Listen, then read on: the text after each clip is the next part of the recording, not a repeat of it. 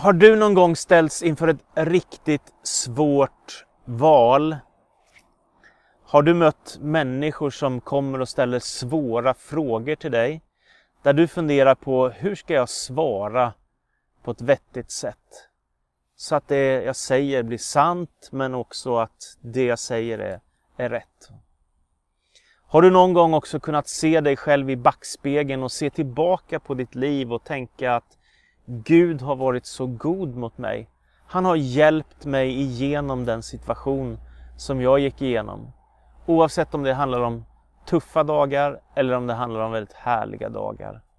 Så gissar jag att det kanske är så att du precis som jag kan se tillbaka på livet och se att Gud har varit god emot mig.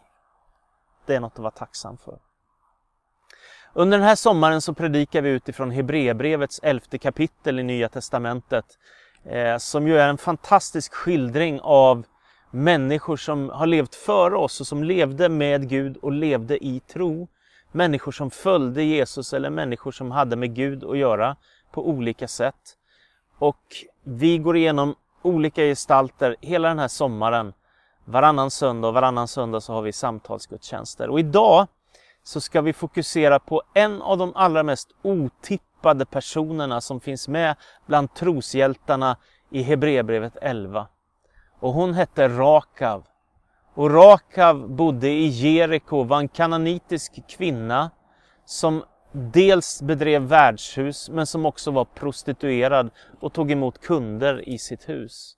Hon är en av alla de som räknas upp i listan av troshjältar som finns i den bibliska historien. Och det är ju märkligt, hur kan det komma sig att hon finns som icke-judisk kvinna och dessutom prostituerad bland stora giganter som Abraham och Sara, som Mose och som gestalter som Gideon och Debora och Barak och andra sådana här spännande människor som skildras i Gamla Testamentet av troshjältar. Hur kan det komma sig att hon är en av alla dem? Ja, det kan vi läsa om ifrån två texter i Nya Testamentet och i Gamla Testamentet. Eh, och jag vill börja med att läsa från Hebreerbrevet 11, vers 30-35. Genom tron föll Jerikos murar sedan man hade gått runt den i sju dagar. Och genom tron så umgick skökan Rahav att dödas tillsammans med dem som vägrade tro. För hon hade tagit emot spejarna som vänner. Behöver jag säga mer? Tiden räcker inte till för att jag ska kunna berätta om Gideon, Barak, Simson, Jefta, David och Samuel och om profeterna. Genom sin tro kunde de besegra kungariken, utöva rättfärdighet och få löftena uppfyllda. De kunde täppa till lejonens gap, släcka rasande eld och undkomma svärdets ägg. De var svaga men blev starka, fick kraft i striden och jagade främmande härar på flykten. Och ifrån Josua bok, som handlar om när Israels folk ska inta löfteslandet, så kan vi läsa ifrån det andra kapitlet och den första versen. Från Kitim sände Josua Nuns son, ut två män som spejare med uppdrag att se närmare på landet och på Jeriko. De gav sig iväg och kom till en sköka som hette Rakav och låg över i hennes hus. Men när Jerikos kung fick reda på att israelitiska män hade kommit om natten för att utforska landet sände han bud till Rakav. Skicka ut männen som kom till ditt hus. De är här för att utforska landet. Kvinnan gömde de båda männen och svarade Visst kom de hit till mig, men inte vet jag varifrån. Och när det blev mörkt och porten skulle stängas gick de ut, men jag vet inte var de gick. Så fort efter dem så hinner ni ifatt dem. I själva verket hade hon fört upp männen på taket och dolt dem under linhalmen som hon hade utbredd där. Kungens män tog upp jakten i riktning mot Jordan åt vadställena till och när förföljarna var ute stängdes porten. Innan männen lagt sig att sova gick Rakav upp till dem på taket. Hon sa, jag vet att Herren har gett landet åt er. Skräck för er har fallit över oss och modet sviker alla som bor i landet. Och sen berättar Rakav hur hon har hört om hur Israels folk fördes genom havet och Mose fick leda dem över till andra sidan och därför hade hon börjat frukta Gud och få respekt för Gud och en särskild respekt för Israels folk också, fast hon själv var en kananeisk kvinna. Så, vem är Rakav?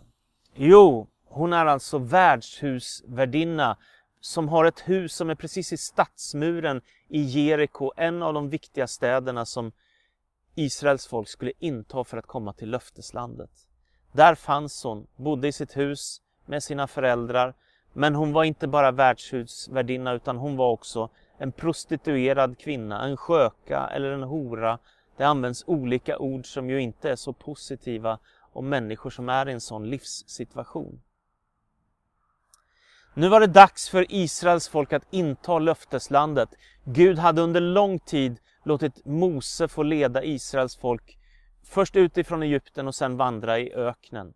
Men nu var det tid för Josua som tillhörde nästa generation av ledare för Israel att få föra Israels folk in i löfteslandet som Gud hade gett dem som ett löfte att det här landet ska ni få.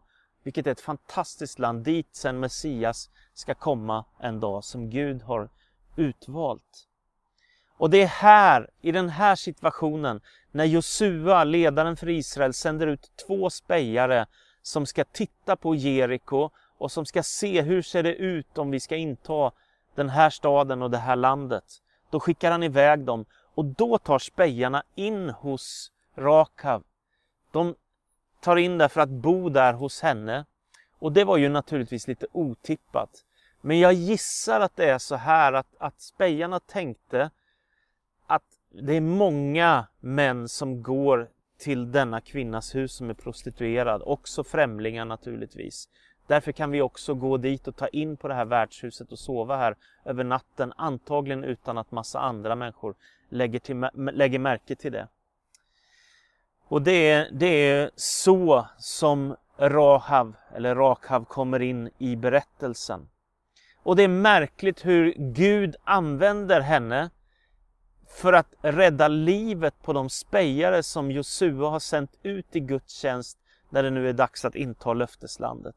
Det är märkligt att Gud kan använda vem som helst i sin tjänst för sitt rike. Tron har börjat växa i Rakhavs liv och nu när hon möter Josuas spejare så känner hon att jag måste vara med och beskydda Israels folk. Jag har, jag har hört om hur Gud har delat på havet och hur Israels folk har tågat rakt igenom utifrån Egypten in i befrielsen till det nya, till det nya förlovade landet dit de är på väg. Och nu så ska Gud använda Raka för att rädda deras liv. Och det som då händer är att de här två spejarna, de lyckas tyvärr inte gå osedda förbi utan när tiden är inne, när de kommer till Rakhavshus och de tar in där. Då får kungen i Jeriko reda på det att israeliter har tagit in hos henne. Och därför så sänder han dit folk för att be Rakav och skicka ut de här spejarna så att han kan ta fast dem och antagligen, vad vet jag, ta livet av dem, bestraffa dem eh, och döda dem. Jag skulle tro att det var det som han hade tänkt göra. Men när Rakav får den här frågan så säger hon att männen har redan gett sig av och samtidigt så har hon gömt dem uppe på taket under linhalm. Och så säger hon de stack medan det var mörker så det ni kan följa efter dem så kan ni hinna ikapp dem. Va? Och så sticker kungens män efter för att försöka få tag på spejarna från Israels folk som Josua hade sänt ut. På det sättet räddar Rakav livet på två viktiga gestalter i Israels folk. Och här kommer min första slutsats. Bara för att man har valt en destruktiv väg i livet så betyder inte det att man måste göra dåliga val resten av sitt liv. Nej, det finns en möjlighet att välja också det som är gott, även för den som tidigare har gjort dåliga val. Så det vill jag skicka med dig. Man måste inte fortsätta på en destruktiv livsväg. Jag menar, backa flera tusen år tillbaka i tiden och tänk dig, vem räknade med en prostituerad kvinna av icke-judisk bakgrund? Antagligen inte så många bland judarnas folk. Utan hon var uträknad redan från början.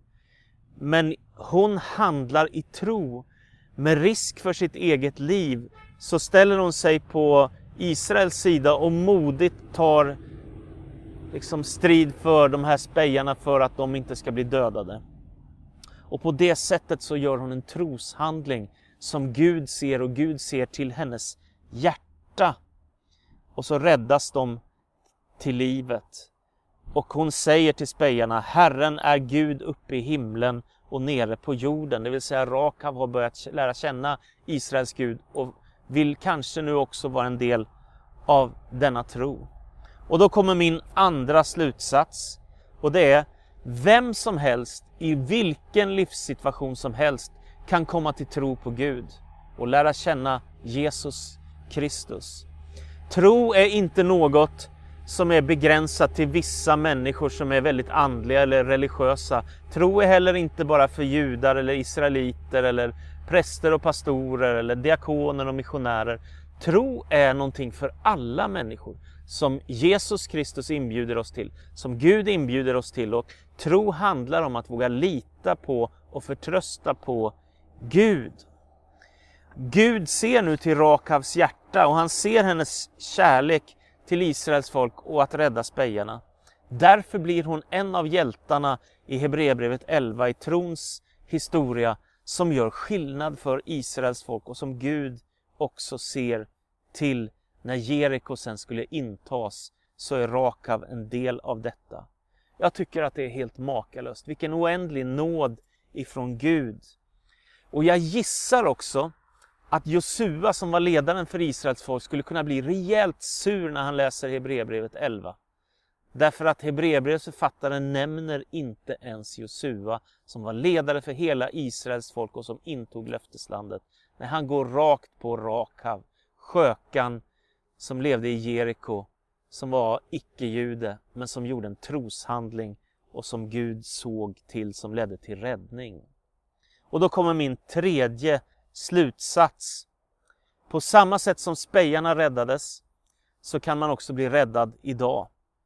Precis som Rakav räddas av sin tro så finns det räddning för oss idag genom Jesus Kristus.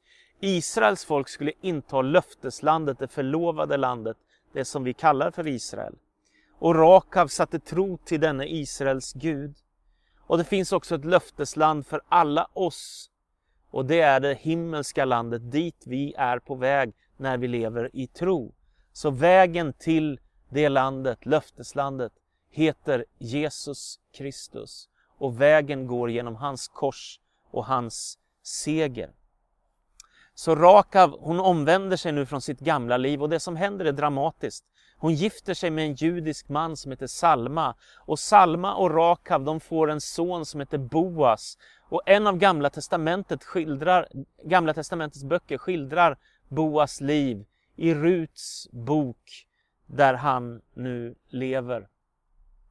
Och det är lite roligt, en liten parentes också bara, det är att, att eh, det finns judiska bibelkommentarer som säger att Rakav, hon var en av världens fyra vackraste kvinnor och de andra fyra det var Abrahams fru och det var drottning Ester och det var Abigail. Så de valde ut fyra judiska kvinnor som de vackraste i hela världen. Lite jäviga kanske. Men det i alla fall den här kommentaren också säger, det är att faktiskt hon, Rakav, ångrar sin synd och så säger hon och ber, Mästare av universum, jag har syndat mot dig på tre sätt. Och så omvänder sig Rakav, gifter sig som sagt med en judisk man, blir en del av en judisk familj och får en son som beskrivs i Ruts bok. Och då kommer min fjärde slutsats. För Gud finns det inga hopplösa fall. Bara för att man har levt ett destruktivt liv så finns det inget som säger att man måste fortsätta på den vägen. Den här kvinnan är ett positivt exempel på tro och omvändelse. Rakav lever nu istället i en judisk familj i tro på Gud. Och sen så börjar ett nytt liv. Och det oerhörda, det är att Rakav nu kommer inte bara att få möta Guds nåd och bli del av Guds folk och få leva ett nytt liv och sluta vara prostituerad. Utan hon kommer också att ingå i den släkttavla som finns för Jesus Kristus i Matteus evangeliets första kapitel. Jag tycker det är makalöst. Det står att Salma var far till Boas vars mor var Rakav. Och till slut när man har läst släkttavlan så kommer man till Jesus Kristus, Guds son. Så barmhärtig Gud är. Så stort detta är. Gud gör inte skillnad på människor. Så här kommer min femte och, femte och sista slutsats. Förlåtelsens kraft är väldigt stark och av nåd får en kvinna som man skulle kunna betrakta som ovärdig eller oren enligt judisk sed att få ingå i Jesu Kristi släkttavla. Det betyder ju att Gud kan förverkliga sina planer och syften med vem som helst, hur misslyckade vi än verkar vara. Det är precis som John Newton skriver i sin världsberömda sång när han hade slutat vara slavägare och kommit till tro på Jesus Kristus. Då skriver han sången Amazing Grace. Vilken förunderlig nåd som Gud kan ge. Därför, på grund av denna livshistoria, så blir Rakav en av troshjältarna i Hebreerbrevets elfte kapitel och som lever för Gud. Hon var ingen fläckfri och perfekt människa, men hon tog ett trosteg som skulle förvandla hennes liv. Och jag avslutar med att citera från femte Mosebok kapitel 30 och vers 19. Där säger Mose, jag tar idag himmel och jord till vittne mot er att jag har förelagt dig liv och död, välsignelse och förbannelse. Välj då livet för att du och dina efterkommande ska leva. Så min fråga är, vad skulle hända med dig om du började vandra i tro och ta hans ord, Guds ord på allvar? Amen. Så tackar vi dig Fader i himmelen för välsignelse över var och en som har lyssnat. Vi ber Gud om att du ska visa din trofasthet och godhet mot oss den här sommaren. Och vi tackar dig också Jesus Kristus för att vem som helst kan bli frälst och vem som helst kan börja göra kloka val även om man levt ett destruktivt liv. Och du kan ge oss av din nåd och din förlåtelse och kallar oss att leva i tro och vandra i tro och följa dig. Välsigna var och en som har lyssnat idag. Så ber jag i Faderns, Sonens och den helige Andes namn. Amen.